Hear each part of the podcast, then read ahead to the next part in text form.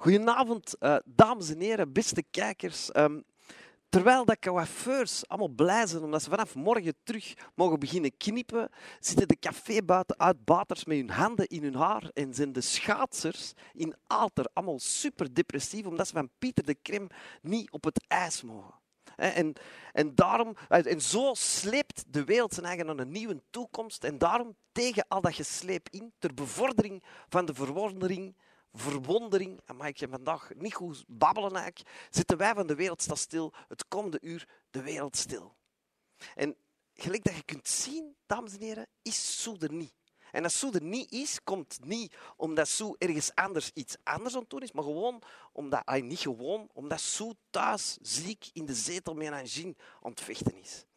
En uh, daarom, als je aan het zien Sue, liefste Sue, we love you, wordt maar rap terug beter. Dames en heren, uh, thuis, de, de Wereld staat stil is een live programma. Dus uh, dat, dat, wordt live uitgezonden. En dat wordt ook live op YouTube gezet. Dus als je nu geen tijd hebt, omdat je bijvoorbeeld je boterham aan het smeren bent voor morgen vroeg, dan kun je gewoon morgen vroeg, terwijl je die boterham aan het opeten bent, kun je dan dus uitgesteld naar de Wereld staat stil kijken. Um, als je er echt live, live wilt bij zijn, dat kan. Dan kun je hier gewoon uh, door de deur aan het raam naar binnen komen zien. Hè, want we hebben hier drie staanplaatsjes. En de eerste die hier uh, in, in de Drie Koningenstraat 126 in zijn of haar flieter aan de deur komt staan, die krijgt van ons deze ingekaderde 50 euro. Hè, en daarboven, want uh, tot hiertoe heeft nog nooit niemand dat gedaan. En daarom hebben we dit uh, erbij ingezet. Dus deze vijf uh, vastgenagelde cuberdons, die krijgt hij ook nog gratis erbij. Ik zou die wel niet opeten, want het zijn roestige nagels, dus dat kunnen dat je er een bloedvergiftiging van krijgt. Want dat is dus een eetbaar modern kunstwerk dat je dus krijgt als je hier in je vlieter hè, leven de kou, leven weg met de schaamte. Goed, dan zijn we er bijna. Heb ik nog uh, een paar dingen te zeggen. Dat is uh, dat we drie fantastische gasten hebben. We hebben Emma Le die er al zit. Die komt een tekst voorlezen uh, die ze zelf geschreven heeft. Maarten Westra Hoeksema komt een verhaal vertellen dat waar gebeurd is en dat hij zelf heeft meegemaakt. En Leila Amezian komt een lied zingen dat veel voor haar betekend heeft. Onze huisband uh, van deze week, want we hebben ook een huisband, is dezelfde huisband als die van vorige week en ook dezelfde als die van volgende week.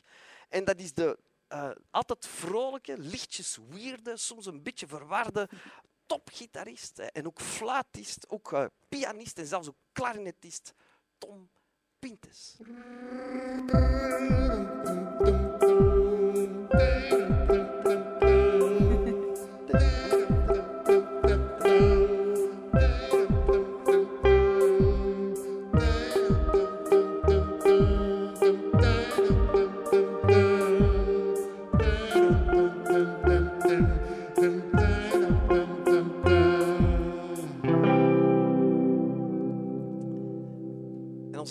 Gast, dames en heren, is Emma Le Dag Emma. Hallo. Ja, welkom uh, en blij dat jij hier in onze studio zit. Ja, blij dat ik hier ben. Ja, ongelooflijk. Eindelijk weer een keertje in Antwerpen. Ja, ja, ja. ja want jij zei, uh, je hebt hier in Antwerpen gestudeerd. Ja, klopt. Woordkunst aan het conservatorium. En ik, ben, uh, ja, ik heb vijf jaar hier gewoond. Hier achter de Drie Koningenstraat. Ah, hierachter? Ja, een Vredestraat. Ah ja. En, uh, maar ik ben terugverhuisd naar Amsterdam. Ah ja, en waarom ben je terugverhuisd? Ja, ja logisch eigenlijk. L'amour. Ja, natuurlijk. Ah, de liefde. Ja. Ah, fantastisch. Uh, jij hebt woordkunst gestudeerd ge, uh, en jij ja. bent ook echt schrijver. Hè, toch? Dat is toch een belangrijk deel van uw beroep? Ja, ik, ik schrijf wel veel. Um, ik zit uh, in verschillende hokjes eigenlijk. Ik schrijf, um, ik maak documentaires, um, ik doe theater, ik presenteer. Dus allerlei verschillende, in verschillende um, genres snoep ik eigenlijk. Ja, maar allemaal vertrekkend vanuit het woord. Ja, dat wel, dat wel vooral. Ja. ja het begint vaak met gedachten die ik op moet schrijven en dan komt er een verhaaltje uit wat dan gegoten wordt in beeld of live of uh, nou ja. schrift. Het, een van die documentaires die je hebt gemaakt, uh, is, hebben ze op Canvas uh, laten zien en die ging over Stromae. Ja. ja. Dus je hebt, je hebt Stromae al eens in levende lijven Ah, veel dan ja. gezien, hè? Ja, toch? Ja, klopt. Dat was, um, uh, ja, dat was heel leuk. Dan, uh, heel last minute uh, vroeg de VRT... Ja, Emma, wil jij niet op stap naar Rwanda? Eh, omdat Stromae gaat daar voor het eerst optreden in zijn vaderland. Um, en er was eigenlijk niks geregeld van uh, ga maar gewoon. Dus daar ging ik in mijn eentje uh, snel research doen, een week op voorhand. En toen kwam ik daar en toen heb ik alles gefilmd. En uh, ook nog voor social media moest ik dingen bijhouden. En toen is daarna een week een korte documentaire voor het internet. En toen is paar dagen later ook nog op televisie uitgezonden. Ja, het ja. is nu nog altijd te kijken op uh, Vimeo, hè? Ja, ja klopt. Ja, ja. ja. Ah, ja. Die zwerft nog ergens rond. Um, uh, ik, ik heb op het internet ook gelezen dat je, als je klein wordt, dat je lid wordt van de Verrekijkersclub. Ja. uh, wat wat is de Verrekijkersclub? ja, dat was een... Een, een, club van, um, van museum, um, vo Museum voor Volkenkunde in Leiden, waar ik ben opgegroeid. En um, ja, we waren eigenlijk als kind, dan was je een soort kleine antropoloogje. En dan kon je verschillende culturen kon je dat bekijken. En dan uh, zat je bij de Verrekijkersclub, heel uh, exclusief. En dan mocht je in een uh, tipi slapen, bijvoorbeeld. Ik weet eigenlijk nog altijd dat liedje van toen. ah, dat was een liedje? Ja, hey verrekijker, ga je met me mee? We gaan de hele wereld over tot ver over zee. Nou ja, goed, wat. maar heel goed. Ja, ik was acht of zo, maar dat liedje is heel maar, erg blijven Maar wel zo'n indruk op je gemaakt dat je dan daarna in je later leven wel heel veel gereisd hebt, toch? Ja, ik ben altijd wel heel erg nieuwsgierig geweest naar um, de ander. Ja, en, en, om de ander minder de ander te laten maken worden, ja. Hoe, wat? Om de ander minder... Ja, uh, ja, vaak heb je toch dat dat de ander is. En als je de ander dan ontmoet, dan is het niet meer de ander. Ah ja. ah, ja, dan, dan wordt hij gewoon... Uh, ja, zo ernaast. Ja, ja, minder, minder anders, anders, wordt hij dan. Ah ja. Ja, zoiets. Zeg, en uh, je hebt veel gereisd, maar er zijn eigenlijk twee ja. manieren van op reis gaan. Uh, ja, op rei reizen of op verlof gaan. En zeg jij eerder, ga je liever op reis of ga je liever op verlof? Ik ben heel slecht in op verlof gaan. Ah ja. Ja, ik zou nu op verlof moeten zijn. Maar uh, nee, ja, ik, ik hou heel erg van reizen en dat er dan iets aan gekoppeld is. Dat, er een, uh, um, ja, dat ik daar niet helemaal voor niets ben. Ik ben denk ik een moeilijk te ontspannen mens. Ah ja. Ah, je kunt ja. niet goed ontspannen. Nou ja, ik denk, ik, ik, ik ga zo aan als ik ergens op een nieuwe plek ben. Dan gaan er zoveel ideeën komen bij me op. Of dan denk ik, oh ja, dit is tof of dit wil ik doen. Dat het voor mij soms wel lastig is om op een nieuwe plek te ontspannen. Het be beste is als ik op, als voor mijn vakantie op reis ga naar een plek ga die ik ken. Ah, ja. En uh, waarom ga jij op reis? Of waarom wilde jij zo graag op reis? voor veel mensen is op reis gaan zo een soort zoektocht naar vrijheid. Is dat voor u ook het, zo het geval? Um, ja, zoektocht uh, naar vrijheid. Um, ja, dat denk ik eigenlijk wel. Nieuwsgierig. Ik ben, ik ben heel nieuwsgierig naar de wereld om me heen. En um, ik, ik, doe graag uh, kennis op. En dat doe je door grenzen over te gaan. En het met je eigen ogen te zien of te beleven. Oh ja. Je hebt een uh, tekst voor ons meegebracht. Ja. Uh, zou je die willen voorlezen? Zeker. Die heb ik van de zomer geschreven. Ah ja. Ineens kleurde social media zwart. Foto's van kerende baby's, katten die in de lens kijken en hashtag nofilter uitzichten moesten plaatsmaken voor een zwart vierkant met daaronder hashtag Blackout Tuesday. Een inkomstloze dag voor influencers. In alle haast werd er op Google massaal Blackout Tuesday How to Make ingetoetst. Ik scrolde voor verbazing door mijn tijdlijn en zag de voorlopers die er altijd als de pinken bij zijn en het zwarte vierkant vol confidence posten. Er waren de stille, die doen alsof ze nooit op social media zitten, maar zich nu ineens lieten zien. De twijfelaars die uiteindelijk zwichten voor de trend.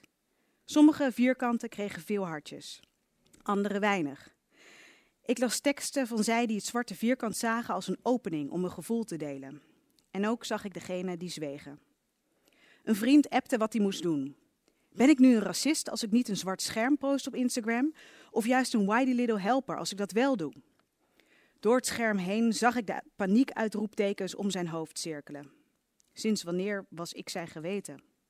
Zelf nadenken en doen wat goed voelt, stuurde ik hem terug. Hij kwam er niet uit. Het viral gaan van het zwarte vierkant bleek de aanleiding te zijn voor mensen uit mijn omgeving om ineens te vragen hoe met me was in deze turbulente tijd, aangezien ik er al langer mee bezig was. Mensen van vroeger belden me op omdat ze het graag met me erover wilden hebben. En terwijl empathische appjes mijn telefoon deed bliepen, wilde ik alleen maar schreeuwen. Tegen de schapen die nu zogenaamd over de dam waren, tegen de lijstjes met voornamelijk Amerikaanse boeken die gedeeld werden en tegen mensen die Educate Yourself met hoofdletters schreven. Elk zwart vierkant voelde als een kleine stomp in de maag. Ik snapte niet waarom mensen die zich nooit eerder hadden uitgesproken, dat nu deden online middels een zwart vierkant. Waarom postte jij dit? Wat betekende het zwarte vierkant? Welke actie is eraan verbonden? Ik schreeuwde de vragen door mijn hoofd. Ik wist niet of de emotie boosheid, frustratie, verdriet of ongeloof was. Maar die virale, virale trend zorgde ervoor dat mijn traanbuisjes geprikkeld werden en dat het zout bleef stromen. Ik had niet de ruimte om na te denken waar de tranen vandaan kwamen. Ik kon er geen woorden aan verbinden om de waarom in te vullen. Ik zat er middenin. De dood van George Floyd veroorzaakte geen golf, maar een tyfoon. En terwijl de vuisten wereldwijd de lucht in gingen, borrelde een collectief trauma op van mensen van kleur die en masse racistische herinneringen deelden. Het leek erop dat de dood van Floyd ervoor had gezorgd dat er nu meer ruimte werd gemaakt voor verhalen die al zo lang als etterende wonden onder de huid zitten. We konden het erover hebben. Er werd in grote getalen geluisterd. Was er een kantelpunt in zicht? En hoe verheugd ik ook zou moeten zijn over het feit dat er nu daadwerkelijk iets gebeurde, maakte deze periode me gitzwart als het vierkant zelf. Want opeens bemerkte ik bij mezelf dat er veel in dat ene vierkant verborgen zat, maar waarover ik nooit sprak. Uit schaamte, uit schuld. Ik was 17 en zat in het laatste jaar van mijn middelbare school toen mijn broer betrokken raakte bij een vechtpartij met een, in zijn woorden, doorgesnoven nazi. Het slachtoffer had een gebroken neus en mijn broer een slechte advocaat, waardoor hij maanden achter tralies verdween. Een foutje, zo bleek. Het was de tijd van lieve heersbeestjes op straat tegen zinloos geweld. En de tijd dat het nummer zinloos op nummer 1 stond. Hoeveel moeten er nog komen? Hoeveel moeten er nog gaan? En dit werd gehoord in de rechtsstaat. Mijn broer werd keihard aangepakt. Als puber dacht ik maar aan één ding: mezelf moest hij het alweer voor mij verpesten? Hoe zouden de mensen op mijn louter witte school reageren? De schaamte kroop diep onder mijn huid en ik haatte mijn broer tot in mijn tenen. Ik zou het er nooit over hebben, hij bestond niet meer voor mij. Thuis werd er dan ook geen woord over gerept. En tegen oma werd verteld dat zo'n lief of zo'n stout, ja, oma was ook niet gek, op vakantie was. Meermaals vroeg mijn broer of ik op bezoek wilde komen. Op bezoek, ik had wel iets beters te doen uitgaan, jongens, tentamens. Een plan maken om na de examens nooit meer terug thuis te keren. Soms hoef je maar naar boven te kijken. Hoe de wolken voorbij schuiven en dan weet je, trouble is on its way. Wij hadden geen waarzegger nodig om te voorspellen dat het eens goed mis zou gaan. Mijn broer was een ontvlambare puber. Luisteren deed hij nauwelijks en dat hij niet hoefde te leren om punten te halen hielp ook niet mee. En als mijn broer onrecht werd aangedaan, als hij werd gepakt op zijn huid en haar en mogelijke afkomst en vooral daarin ontkend werd, dan spuwde hij vuur. En wat mijn ouders ook zeiden, het lukte hem niet erboven te staan. Racisme was geen onderwerp van gesprek bij ons thuis. Nee, de ontvlambaarheid van mijn broer, dat was het probleem. Ta-Nehisi Coates bereidt zijn zoon in het boek Between the World and Me voor hoe het is om als zwarte jongen op te groeien in Amerika, waar zwart zijn bijna een misdaad op zichzelf is. En hoewel de Amerikaanse samenleving nauwelijks te vergelijken is met die van ons, vroeg ik me af of het zin had gehad als mijn broer op jonge leeftijd wel het gesprek had gehad. Het gesprek waarin er gewaarschuwd werd wat er mogelijk op zijn pad kon komen door de kleur van zijn huid en vooral hoe hij daarmee om kon gaan. Maar wij hadden een keurige witte vader, die nooit zou weten wat het betekent om als je huidskleur te worden gezien. Een vader die racisme afschoof op domme mensen waar we geen aandacht aan moesten geven. Andere kant op kijken, doorgaan, naar de horizon. En ondertussen liep mijn broer tegen witte muren op. Op school, scholen, in instanties. En hij zocht zijn hel op straat bij jongens die er quasi hetzelfde uitzagen en die in quasi hetzelfde hokje zaten jongens die ik net zo irritant vond. Hij schreef in die tijd dat hij binnen zat veel brieven. En tijdens de lockdown opende ik een doos vol weggestopte herinneringen waarin ik schrijfsels van hem vond. Op de voorkant van een kaart stond: Ben jij nog vrij? Achterop stond zijn naam en het nummer dat hij nu was. 8901322, unit 3, waarin een schrijf me terug verborgen zat. Hij trainde veel, hij deed een wijncursus. Hij wilde weten of ik goede cijfers haalde. En verder schreef hij vooral veel wensen. Een schone lei, samen feesten. En spijt dat hij me hiermee opzadelde. Dat hij niet op mijn achttiende verjaardag aanwezig kon zijn. Dat was de verjaardag waarop ik zelf te maken kreeg met intimiderende extreemrechtse jongens en meisjes in de kroeg in trainingspakken. Een nogal angstaanjagende situatie die vooral verwarrend was. Ik moest de kroeg uit om de kleur van mijn huid. Ik hoorde dat je last hebt gekregen met nazi's, schreef mijn broer. Je weet maar al te goed dat ik je daar graag bij zou willen helpen. Want wie aan jou komt, komt aan mij. Zorg dat je gewoon je school haalt en dat je je rustig houdt met nazi's, want je wilt hier niet terechtkomen, geloof me. En door dat voorval, op mijn achttiende verjaardag, besefte ik ineens hoe erg een persoonlijke racistische aanval in je vezels kon kruipen. Hoe zou mijn broer zich keer op keer hebben gevoeld? Het was vanaf toen dat schuld zich voegde bij schaamte. Had ik me wel genoeg in hem verplaatst? Was het voor jongens anders dan voor meisjes? Ik moest bij hem op bezoek. En daar zat hij, nu letterlijk opgesloten, in een penitentiaire instelling, aan een tafel tegenover mij en onze keurige vader. In de ruimte zaten meerdere jonge mannen die quasi op hem leken. Hij had zijn vlechtjes afgeschoren en hij was nog altijd mijn stomme broer, die zeer goed was in exacte vakken, die de Donald Duck op de wc las en die kon voetballen of skaten of welke andere sport dan ook als de beste. Hoe had het toch zo ver kunnen komen?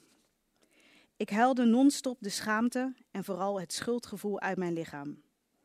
Ik weet niet of ik iets gezegd heb toen, we waren niet zulke praters. Wat volgde was in ieder geval stilte.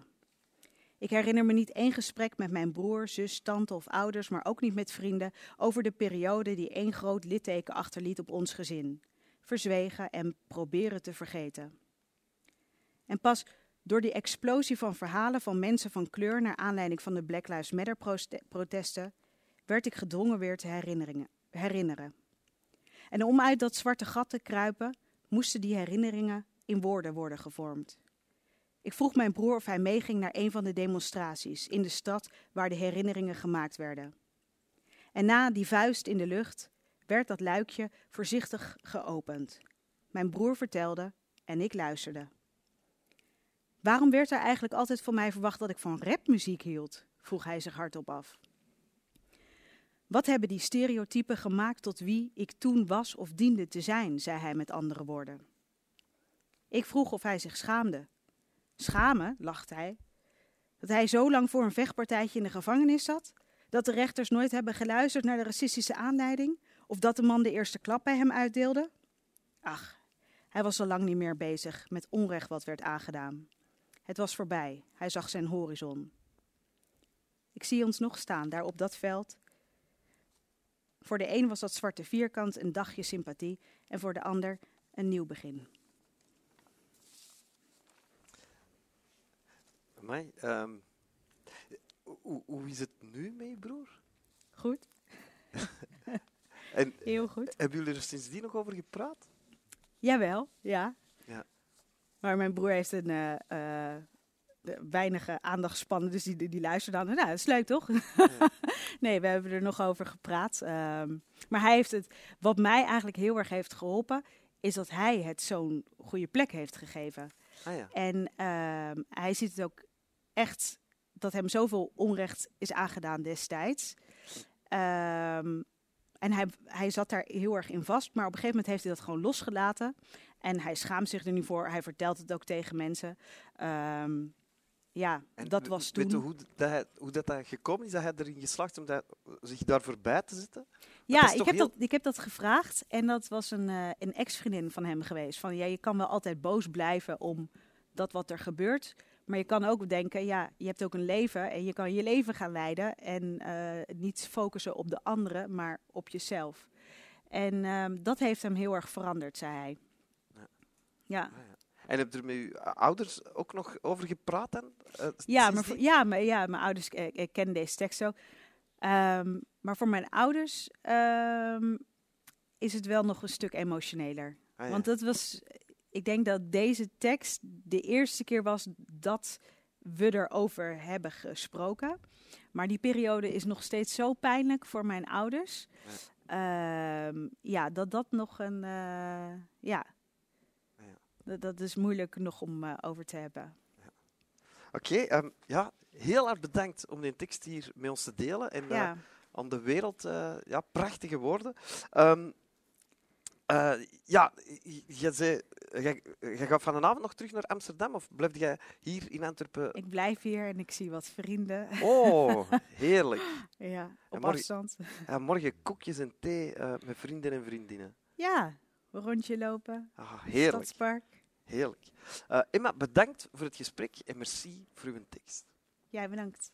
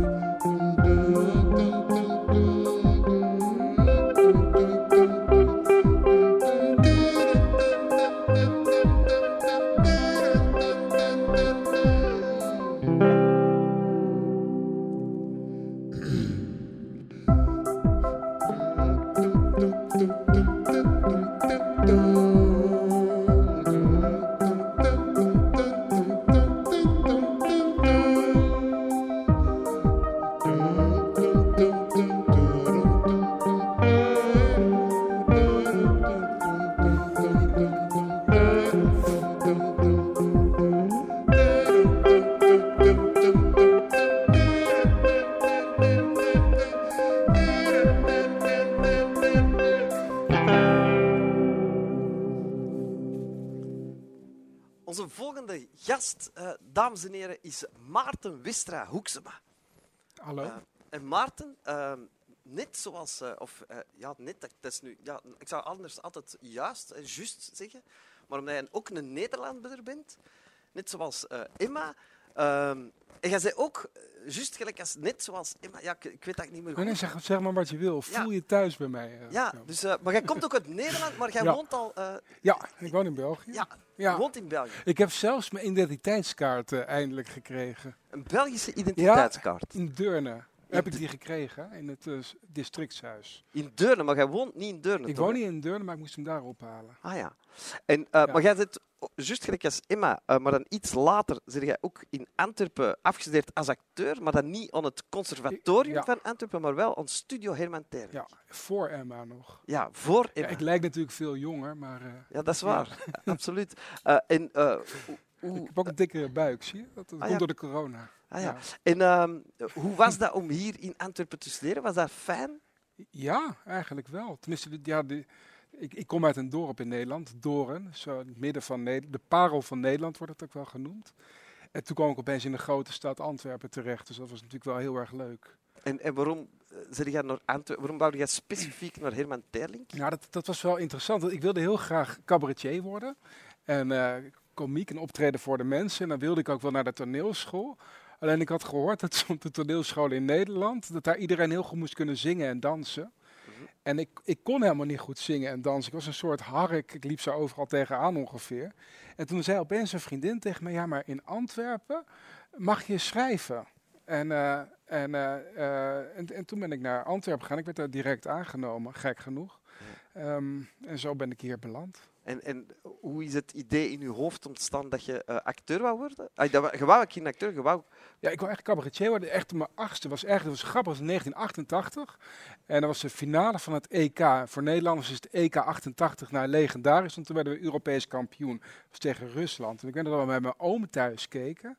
En daarna was Nederland wereldkampioen en iedereen juichen en feest vieren, maar de tv bleef nog aanstaan. En dat was een show van Toon Hermans. En ik was echt de enige die op die bank uh, bleef zitten en, en echt zo gebiologeerd naar Toon Hermans keek. En toen, uh, toen zei ik s'avonds tegen mijn vader, papa, ik weet eindelijk wat ik later wil worden. Ik wil later een Toon Hermans worden. En dat is eigenlijk altijd zo gebleven. En was dat ook hetgene dat je dan zei als je in Studio met Terling aankwam en ik wil Toon Hermans worden? Uh, nee, maar ik zei wel, ik wil cabaretier worden. Ik, was, ik wilde Toon Hermans toen al niet meer worden. Dat is natuurlijk een oude generatie. Ik hield dan heel erg van Hans Steeuwen en Kees is een iets bekend, minder bekende cabaretier.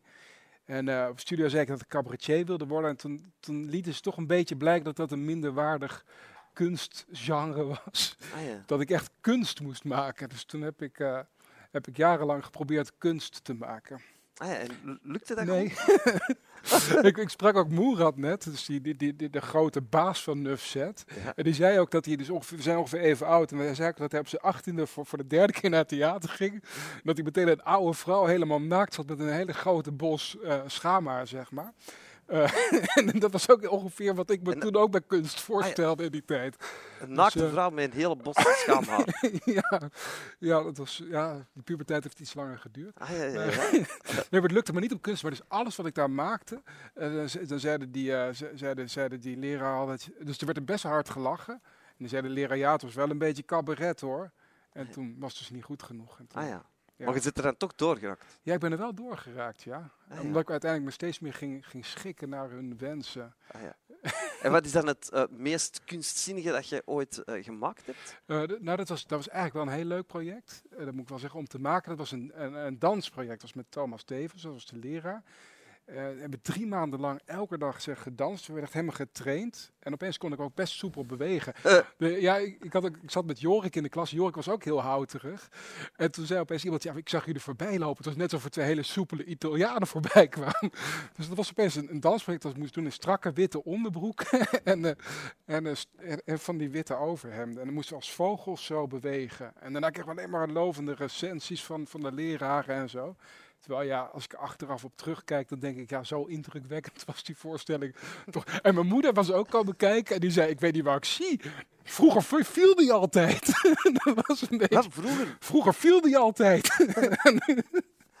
dus dat, ja, dat heb ik dan wel weer geleerd Herman Blijven recht staan. Ah, ja. Dus je kunt nu heel goed recht staan. ik kan heel goed recht staan, ja, ja. Ah, en ik kan soms ook nog vallen. Ah ja. Ja. En eh, eh, acteur, en dat is hier ook nog een vraag die je hebt staan. Eh, acteur is toch een onzeker beroep. Hè? Ja. Eh, je zit eigenlijk altijd te wachten op telefoons. Van, eh, of, of anders moet je de hele tijd zelf dingen verzinnen. En je bent nooit zeker van je inkomen, zeker van je werk. Hoe, hoe ga jij zo met je stress om? Of Ehm, zorgt dat veel voor stress bij u? Ja, niet meer, want ik, ik, ik, ik, ik maak vooral zelf. Ja, en, en, en dus ik kan, ik kan zelf eigenlijk de projecten beetje samenstellen. En dan kan ik juist de mensen werk geven. Snap je? Ah ja. Ah, dus je hebt, je hebt Ja, een eigen... zo heb ik bijvoorbeeld een toneelstuk gemaakt. En toen heb ik Tom Pintens eh, de muziek voor dat toneelstuk laten schrijven. Ah ja. Ja, Maar dan moet je toch heel de tijd eh, geld vinden om, om dat te financieren? ja maar met de naam als Tom Pintens eh, miljoenen kwamen binnen. Ah ja. Ja. Je moet wel de hele tijd regelen. Dat is wel zwaar. En je bent natuurlijk voor de helft, ja, toch wel voor de helft organisator. Maar als je dat leuk vindt. En is dat niet heftig dat je al die dingen allemaal samen moet combineren? Ja, en zeker met mijn laatste monoloog, toen heb ik echt alles zelf gedaan. Ik heb dat ook allemaal verkocht in alle theaters in Nederland en België. En ik heb ook al die promo zelf gedaan en eh, de ticketverkoop zelfs zelfs. Zelfs zelf. En uiteindelijk ben ik daar toch ook wel een beetje bijna aan onderdoor gegaan. Ja? Ja? Ja. toen kreeg ik angstaanvallen terwijl ik optrad. Dus toen, Angst? da- toen dacht ik dat ik flauw ging vallen. Terwijl dat je aan het spelen Terwijl wordt? ik aan het spelen was. Ja, dus ik kwam op en dan zat er een zaal vol mensen, glimlachend naar me te kijken. En mijn hele lichaam zei tegen mij, eh, je gaat dood Maarten. Ga snel de kleedkamer in om dood te gaan. En, eh, en, en dan, het liefst zou ik in de kleedkamer in zijn gaan, maar ik dacht dan altijd, ja nee, ik speel deze voorstelling af en daarna ga ik de kleedkamer in. En dan kwam het toch altijd weer Dus goed. terwijl dat je aan het spelen was, zaten die gedachten aan Ja, ik heb zelfs één keer ook gehad. In, eh, was in Brugge, dat was eh, 8 november 2019. En die ochtend, ik had de ergste angst ervan. Ik was met keiharde hartkloppingen wakker geworden om vijf uur 's ochtends. En, eh, en ik zei tegen mijn lief, ja, maar ik ga, dat, ik ga niet naar Brugge kunnen. Dat, dat, dat lukt me gewoon niet. En ze zei, ja, maar het gaat je echt wel lukken. En dan kom je terug bij mij en dan liggen we samen in bed. En dan zul je En ik ben echt met hartkloppingen die trein ingegaan. En er waren zo twee technici van dat theater. En, en er was een heel, want die zaal zat helemaal vol en dan wordt die tribune veel groter. Dus ik had echt maar één vierkante meter nog om op te spelen. Voor een streep van één meter. En ik heb die hele voorstelling zo, half trillend gestaan. En binnensmond eh die voorstelling gespeeld. Maar het gevolg daarvan was wel dat iedereen keihard moest lachen. Ah, ja. Dus eh, ik, ik heb er nog één vraag over. Weet je nu hoe dat, dat komt, dat je toen zoveel angst had eigenlijk? ja, ik wilde heel graag voldoen en heel graag erkend worden. En, eh, en ik denk ook, ik, ik, ik nam gewoon veel te veel hooi op mijn vork, ja. En ook omdat het zo leuk is, hè. het is ook zo ontzettend leuk om te doen. Dus daarom doe je ook vaak te veel. Ja. Of niet te veel, maar dan doe je vaak ook alles ervoor. Je hebt ook een waar gebeurd verhaal Ja. voor ons bij. Ja. Zie je het zitten? Om de... Ay, voor ons. Ik, alsof dat ik... Voor jullie ben- mijn ja, cadeau. voor ons, voor ons, voor mij en Tom dan. V- waar gebeurt vooral voor mij en Tom bij. En ook voor de kijkers thuis natuurlijk. Ja, Zie je het zitten om dat te ja, vertellen? ik zie dat wel zitten. Oké. Nee, dit- dit gaat eigenlijk over mijn eh, periode dat ik, dat ik echt puur acteur nog was. En ik had net een voorstelling gemaakt, was Tussen Hond en Wolf, voor de Zomer van Antwerpen. En daar hadden we met onze hele ploeg echt een jaar aan gewerkt of zo. Maar we hadden daar geen subsidie voor gekregen. Dus eigenlijk was na die voorstelling het, het geld op voor mijzelf. Dus ik had, die situatie was vrij penibel. En ik had ook geen job, ik was zelfstandige. Dus er moest ook wel weer werk komen. En, eh, en, en eigenlijk was dat mijn hele leven tot dan toe. Altijd zo te weinig geld. En weet je wel, eh, ja, gewoon altijd lastig. En ik had een hele goede vriend, dat was Tim. En Tim die had altijd te veel geld. Weet je, die had altijd zo, ja, weet je, wat duurdere kleren van die ja, mooie overhemden. En, en als we naar het eten gingen, dan ja, nam hij hem altijd mee uit eten naar een iets beter restaurant. En dat kwam eh, omdat Tim werkte voor een bedrijfstrainer. En dat, dat was een man en die had de grote Ja Maar show. En het hield in dat hij dan in bedrijf een show deed. En dan vertelde hij eigenlijk het publiek dat je geen ja maar moest zeggen, maar ja en. dus hij zei, je moet de beren niet op de weg zien, je moet de beren en de weg zien. En als je die beer ziet, geef hem dan een knuffel. Nou, maar wat, wat wilde het feit, na, die voorstelling had Tim die voorstelling van mij gezien en die vond die tekst heel goed. En die zei, ja, maar die bedrijfstrainer die zoekt nog een schrijver. Dus ik was naar die show gaan, gaan kijken, in, in zo'n bedrijf ook. Dus het, onder de TL-buis eigenlijk, wat je als, alles wat je als acteur niet wil worden, daar kom je terecht, in zo'n TL-buizerig bedrijf. Eh, en hij deed daar die show en ik dacht, hoe kan het dat iedereen hier zo om lacht, eigenlijk? En, en die, publiek ging uit, uit een dak daarna. En daarna sprak ook die bedrijfstrainer. Ik zei, ja, maar je hebt die mensen nu wel opgezweept. ehm, maar denk je dat ze ook echt veranderd hebt? Toen zei hij, ja, nee, natuurlijk niet. Eh, en, en, en als die mensen echt zouden veranderen, zou het ook slecht zijn van mijn handel, want dan komen ze nooit meer terug. En hij zei ook, dat was vond ik een mooi verhaal. Hij zei, het was een co- cosmetica-gigant. Daaraan vroegen ze naar zijn geheim over zijn succes. En die cosmetica-gigant zei, eh, ik geef de mensen geen schoonheid. Nee, ik geef de mensen de illusie dat ze mooier kunnen worden. Nou, hij zei, nou, zo zit het bij mij ook. Ik geef de mensen een illusie dat ze betere mensen kunnen worden. Dus ja, het was niet echt bepaald, ja, mijn mens. Maar op een bepaalde manier had hij ook wel iets heel aantrekkelijks. Ik weet niet of je dat kent, zo'n, ja, het is een beetje zo'n, je, je hebt het toch ook een, een beetje foute mensen, dat ze toch een soort aantrekkingskracht op je hebben. Ehm, en, en, en na het gesprek zei Tim, nou weet je, Maarten is een hele goede schrijver. Jij zoekt nog iemand om je nieuwe show mee te schrijven. Zou je Maarten niet vragen? Die man die zei, maar ik wil hem wel een kans geven, maar dan moet hij even een, een auditie doen. Een bewijs van auditie moest ik vier scènetjes uit die show herschrijven. En ik had die, dat in de middag zo geschreven. En ik had dat opgestuurd naar die man. En die dag erop belde die en hij zei: Maarten, ik heb je scènes ge- gelezen en ik vond het niet goed. En daarna liet ze een lange stilte. Nee, Maarten, ik vond het geniaal. Ik heb hiermee gesproken, over, met mijn vrouw meegesproken. En, en we hebben besloten dat wij deze show niet samen gaan schrijven. Nee, jij gaat die show alleen schrijven. En, en ik dacht, wow, nou, dat, dat, dat, gaat wel snel, dacht ik. En, eh, eh, en toen zei hij, ja, en, en volgende week hebben we een bedrijfsuitje met de hele ploeg. Het lijkt me ook leuk als je dan meekomt. En er was een bedrijfsuitje, ook in zo'n ja, zo'n ja, zo'n zo'n wat chique restaurant, zo'n apart achterafzaaltje. En dat was met tien mensen van het bedrijf, allemaal van die trainers met van die, ja, met van die overhemden met van die bloemetjes in de kraag. Ik, ik weet ook niet waarom, maar... En, en ik weet ook nog dat ik speciaal voor die avond nieuwe schoenen had gekocht. En mijn schoenen waren afgetrapt. En dat waren zo leren schoenen, maar ja, ja, ja, ook niet te duur. Dus ik zat onder de blaren, dus elke stap die ik zette deed, deed ongeveer pijn.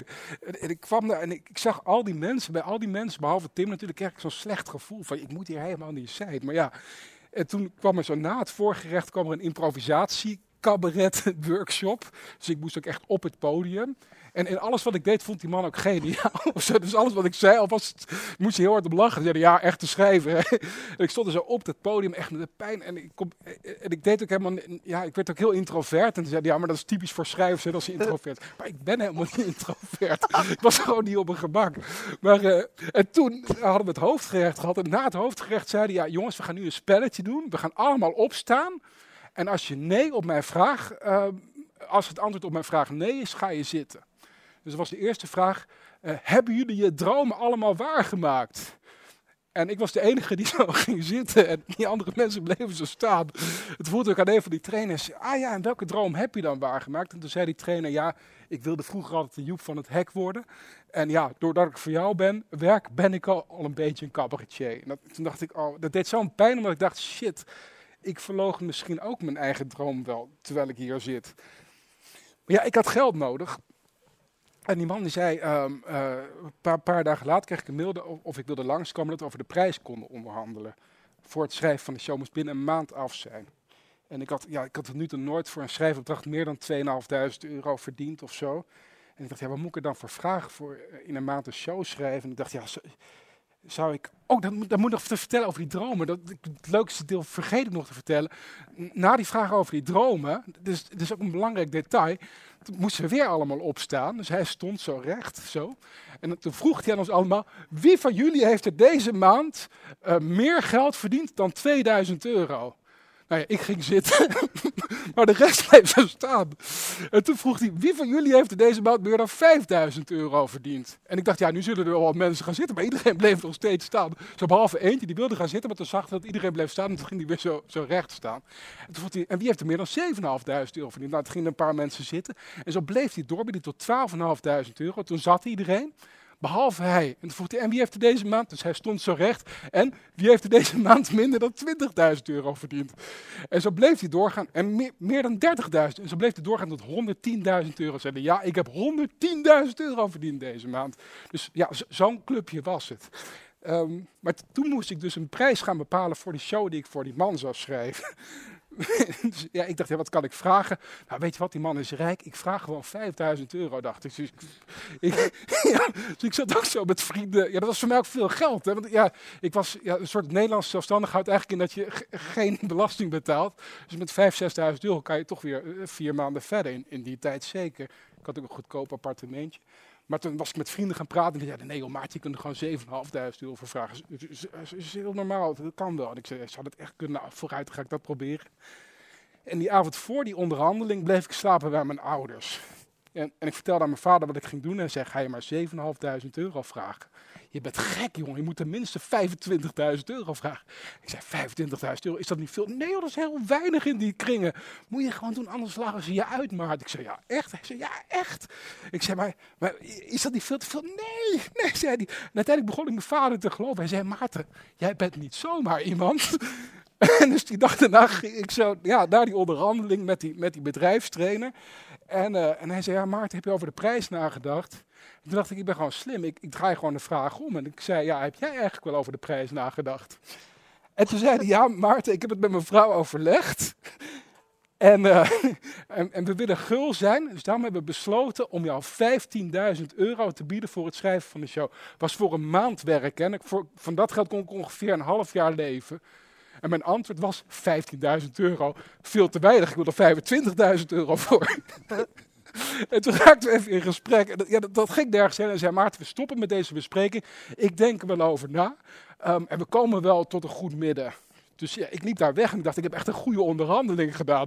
Dus ik heb nog even met mijn vader gebeld. Ja, ik heb 25.000 euro gezet, ben ik gek. We gaan zeker op 20.000 euro uitkomen. Weet je, ik ben uit de geldzorgen. En toen, uh, toen zat ik in de trein en toen belde die man al. En toen dacht ik, ja, nu gaat het bod komen. Dus ik nam op, ik zei, hey, hallo. En hij zei, ja, Maarten, ik heb erover nagedacht. Het verschil is te groot, het ga ik niet kunnen overbruggen. En ik heb er met mijn vrouw over gedacht wat dit betekende. En, uh, en, en, en ik ben eruit gekomen dat ik die show zelf moet schrijven. En, en toen ik dat bedacht, dacht ik, ja, daar heb ik eigenlijk heel veel zin in. En toen zei ik, nee, nee, ik wil het wel doen voor 15.000 euro. Hij zei, nee Maarten, het momentum is voorbij. Maar ik wil je bedanken om mijn bod niet te accepteren. ik ben daar wekenlang slecht van geweest. Maar daardoor heb ik wel besloten om nooit meer iets voor het geld te doen. En uh, sinds ik dat besloten heb, is het altijd goed gegaan. En uh, ik heb nog een voorstelling gemaakt over die trainer. En dat heette De Verleiding. Heb ik ook hiermee in CC Bergen voor gespeeld. En daar heb ik uiteindelijk 60 keer mee kunnen spelen. Dus uh, als je verliest, kan dat wel eens een winst zijn. Maar het doet nog steeds een beetje pijn. ja, dat snap ik. Maar Maarten, uh, dank u voor, uw, voor uw verhaal. Ja. Ik, ik vond het heerlijk. Zijn jij met de fiets naar hier gekomen of ga jij te voet naar huis? Te voet. Te voet? Ja. Ah ja. Is hier om de hoek? En is het ver stappen? Nee, om de hoek. Tien minuten. Ja. Merci. Eh, dan is het nu tijd voor een lied eh, maar niet. Ah ja, ik moet dat in de camera zeggen. Is het nu tijd voor een lied? Eh, niet van Tom Pintes, maar door Tom Pintes. Dus een lied door Tom Pintes.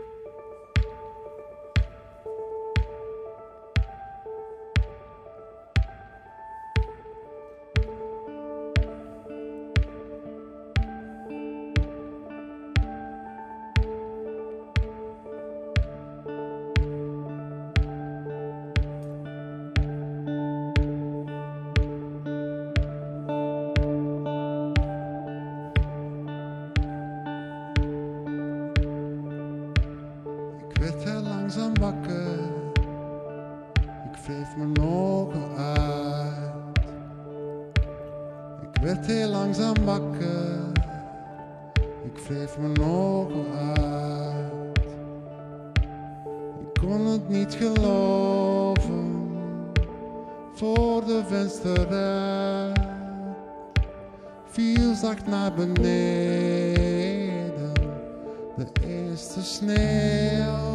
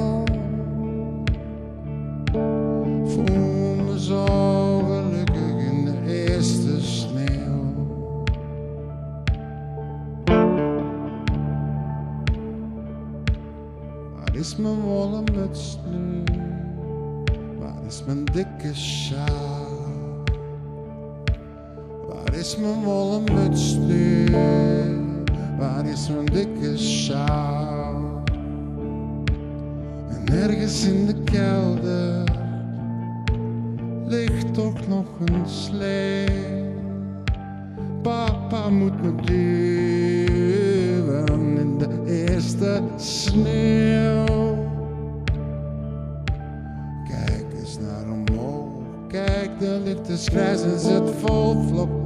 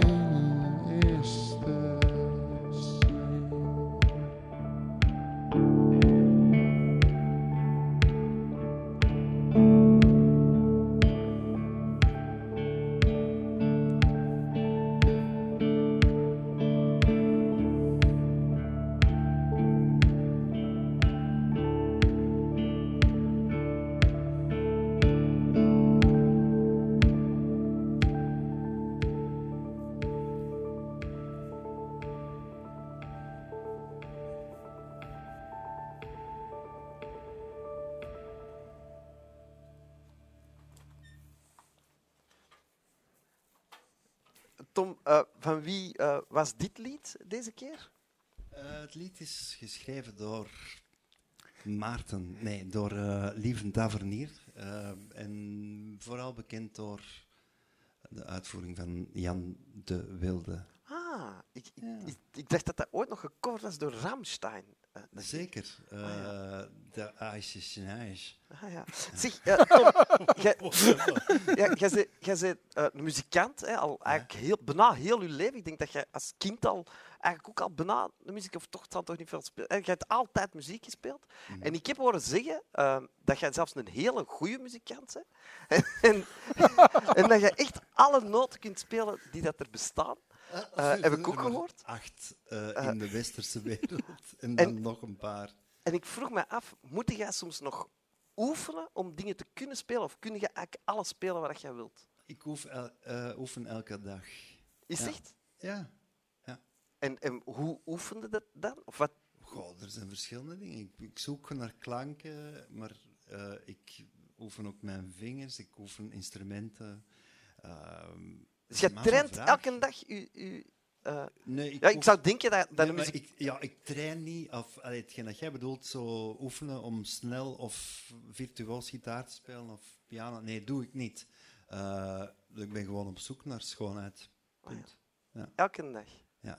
Ah, prachtig. Zeg maar, ik had een keigoede reden om dit nummer te spelen Ah, ja? vandaag. Want het is de week van de Belgische muziek op de radio. En er was sneeuw. Dat, was toch, allee, dat waren twee goede redenen. Waarom vraag je dat niet? Ik, weet niet, ja... eh, maar, maar het is niet erg dat ik het niet gevraagd heb, want je hebt het nu toch kunnen zeggen eigenlijk. Dus Dankjewel. heerlijk. Eh, Ja, dank u, merci. Tom, eh, voor dit prachtige Merci. lied. En dan is het nu tijd, dames en heren, voor de kleinste quiz ter wereld. En de kleinste quiz ter wereld is echt, eh, eh, Maarten, ik weet niet of je dat weet, een extreem kleine quiz.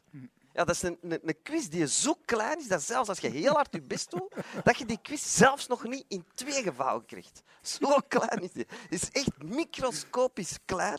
Die bestaat ook uit één vraag. Er is ook maar één antwoord en je kunt ook niks winnen. Hè, dus de eerste die het weet, die is gewonnen. En eh, het aangename en het toffe is dat de quizvragensteller van deze week dat dat niemand minder is dan Maarten Wistra Hoeksma. Hier overval je me wel mee. Ja, dus jij moet de vraag van de quiz van deze week, ja, van de klasquiz, moet jij verzinnen. En pas op, voordat je die verzint, zijn een paar regels. Ten eerste moet jij die zelf het antwoord op die vraag weten. Ten tweede moet je zeker zijn dat die vraag zeker juist is. Ten derde mag het geen raadseltje zijn. Het mag ook geen filosofische vraag zijn met een open einde, geen filosofische vraag met een gesloten einde. Je quizvraag moet echt een quizvraag zijn, een weetje. Hè? Dus het, het antwoord moet op Wikipedia staan of in de gazet, dat mag ook. Ehm, goed, dat is eh, ja. En vanaf dat jij je vraag gesteld hebt, hè, dus je moet, ik hoop dat je alleen in je hoofd hebt, dan zal op dit eh, ehm, kartonnen elektronische bord een, eh, een telefoonnummer verschijnen. Hè, want het is een moderne technologie zitten. En dan kunnen de mensen thuis, dus jullie thuis, kunnen dan naar dat nummer dat hier gaat verschijnen bellen. En dan kunnen jullie de aan. En de eerste die belt, is de eerste die belt. Dus eh, dat is ongeveer de, de kleinste quiz. Maarten, heb je al een vraag in je hoofd zitten? Ehm, ja, ik, heb, ik wist natuurlijk dat dit eraan ging komen. Ik had, Ah, je wist dat het er Ja, ik heb vorige week gekeken. Ah ja. Ja, ja. ehm, ja. Maar ja, dat ook. ja maar ik ben fan. Ik ben fan. Ah ja. Ja, En heb je vor- vond je het vorige week goed? ja, ja zeker. Ja, ik mis, daarom, ik vind het wel jammer. Ik kan me eigenlijk een beetje eh, verheugd op, op de co-presentatrice. Maar ik spreek haar naam altijd verkeerd uit. Sue. Suki. Ja, het is heel dus altijd- spijtig, Sue, we missen jou. Ja, ik Goed, ook, wat- ik wat is ook de vraag? Ik ken je niet echt, maar toch. De vraag van Ik zeg week- altijd namelijk Noet. Maar dat is verkeerd. Dat is verkeerd. Het Ja. is Sue Suki. Ja. Maarten Wostra Hoeksema. Precies, dus ja, dat, daarom dacht ik, we kunnen samen klagen over Ja. onze achternamen. Maar wat Eh, heb jij een vraag? Ja, nee dus. Nee, maar nee, ik heb een vraag. Ehm, in welke film eh, werd, eh, waar, waar, nou ja goed, in, in- wacht even. Ja, in welke film waar een kikker in voorkomt, komt de foutste bedrijfstrainer ooit voor?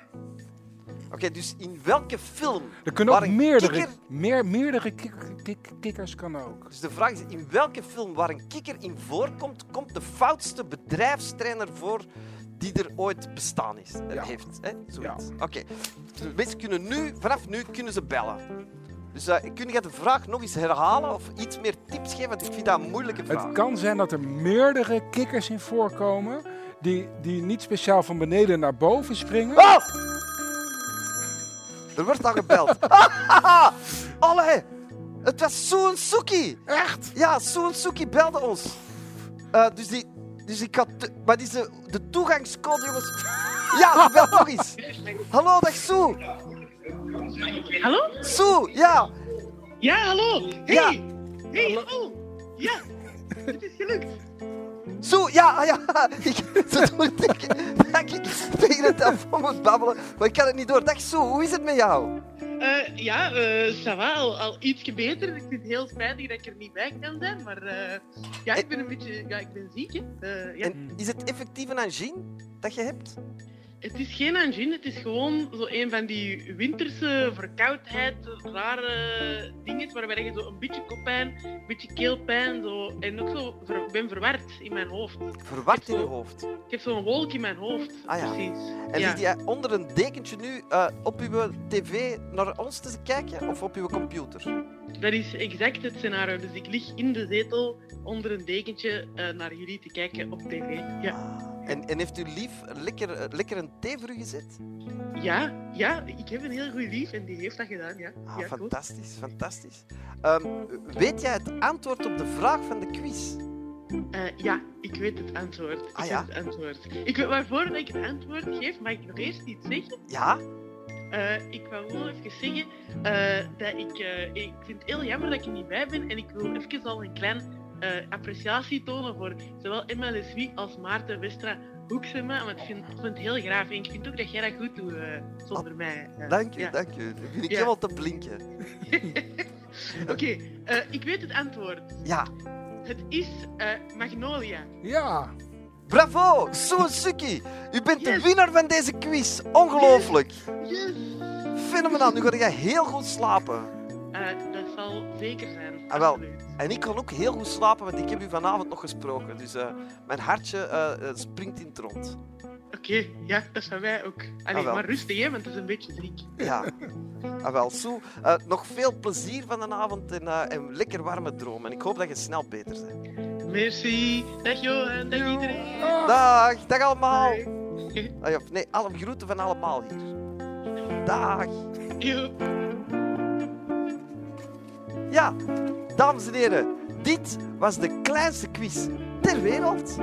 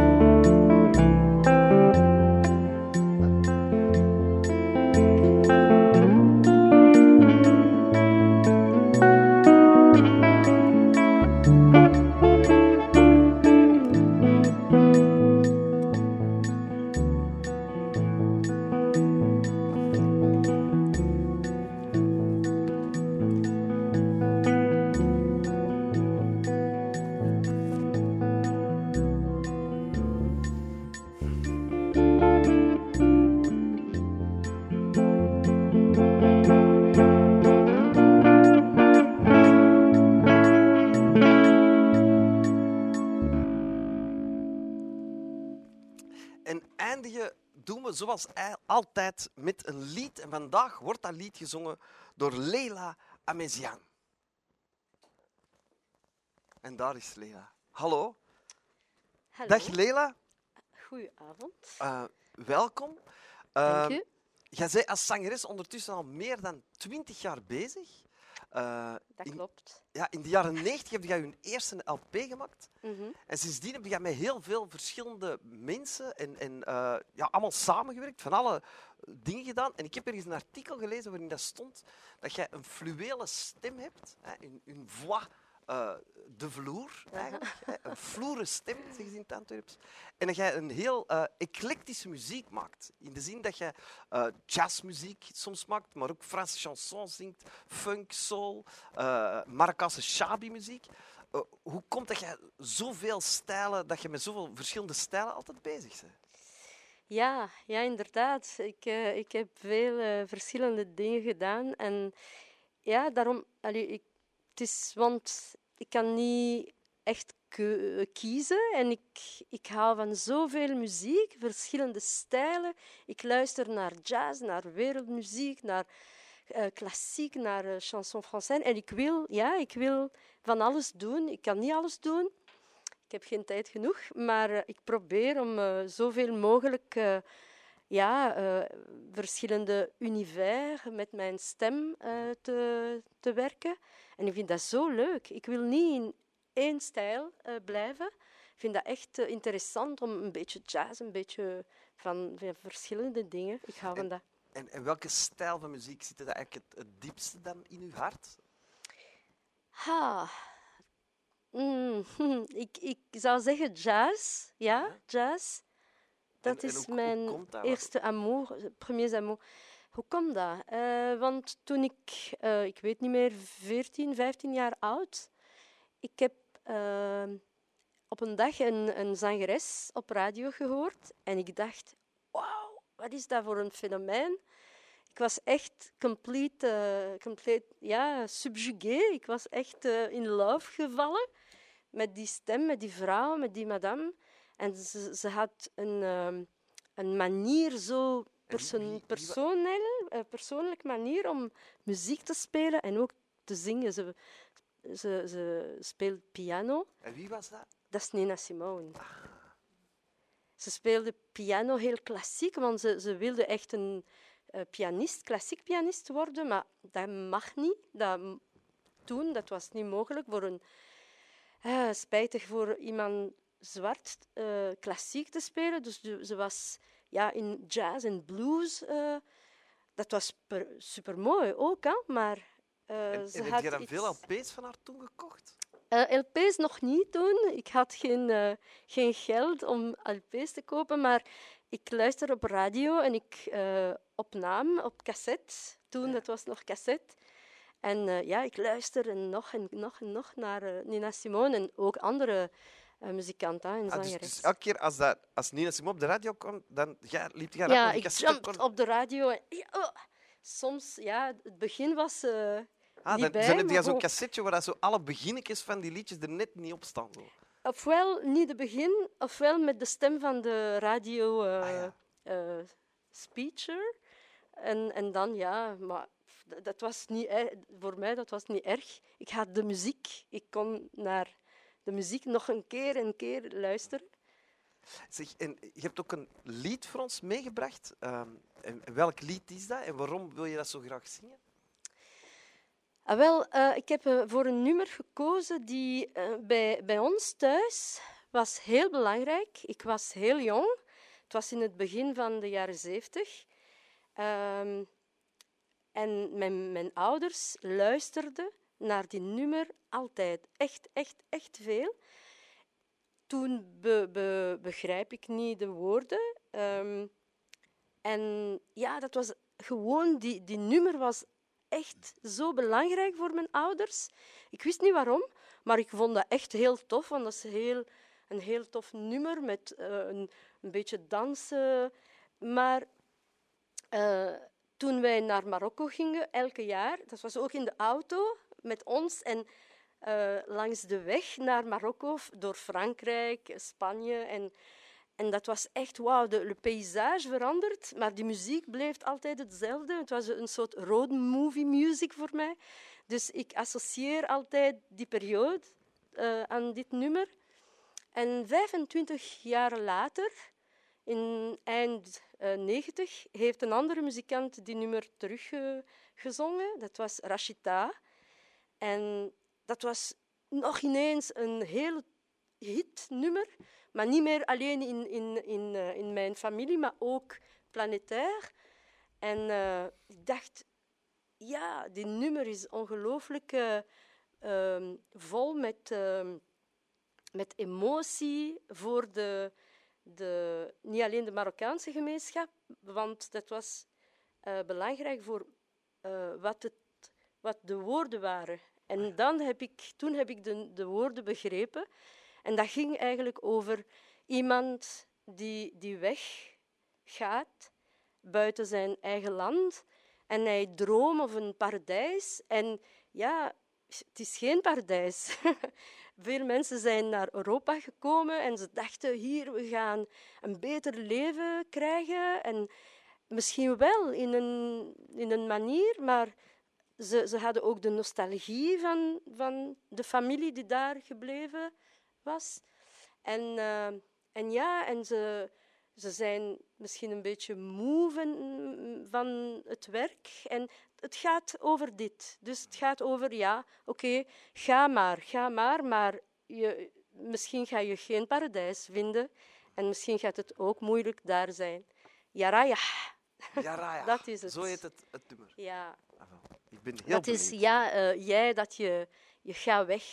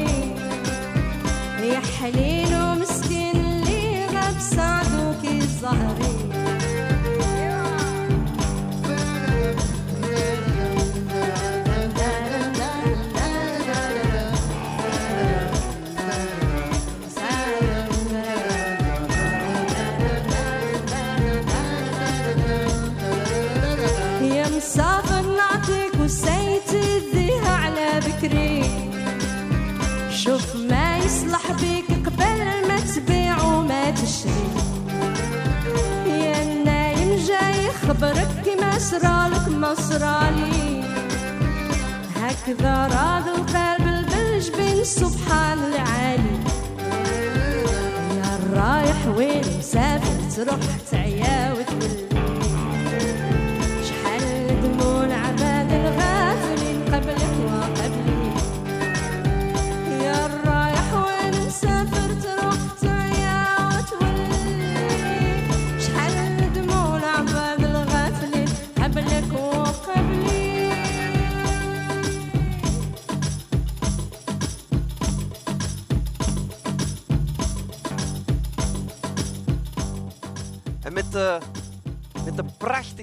van Leila Amezian nog in onze oren, is het bekend, hè, stilletjes toch terug tijd om te gaan slapen. Dus, uh, en dames en heren, pakt van de nacht allemaal een, een lekker warm donsdeken mee en pakt een extra deken mee, want het gaat ook vannacht terugvriezen.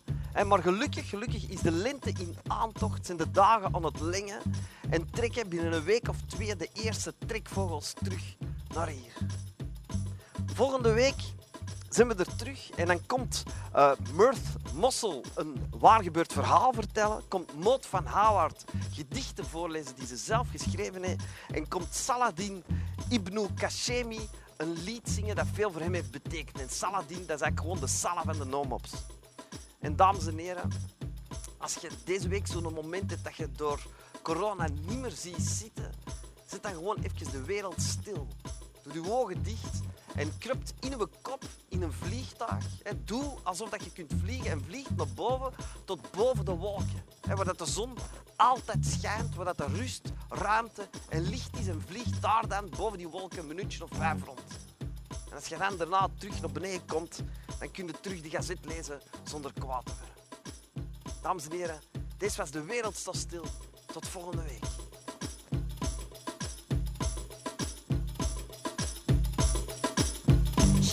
شفت البلدان العمرين والبر الخالي شحال ضيعت وقت وشحال تزيد مازال وتخلي يا الغايب في بلادنا شحال تعيا ما تجري. تزيد وعد القدرة والمزمن من توا تدري. إيوا. يا الرايح وين مسافر تروح؟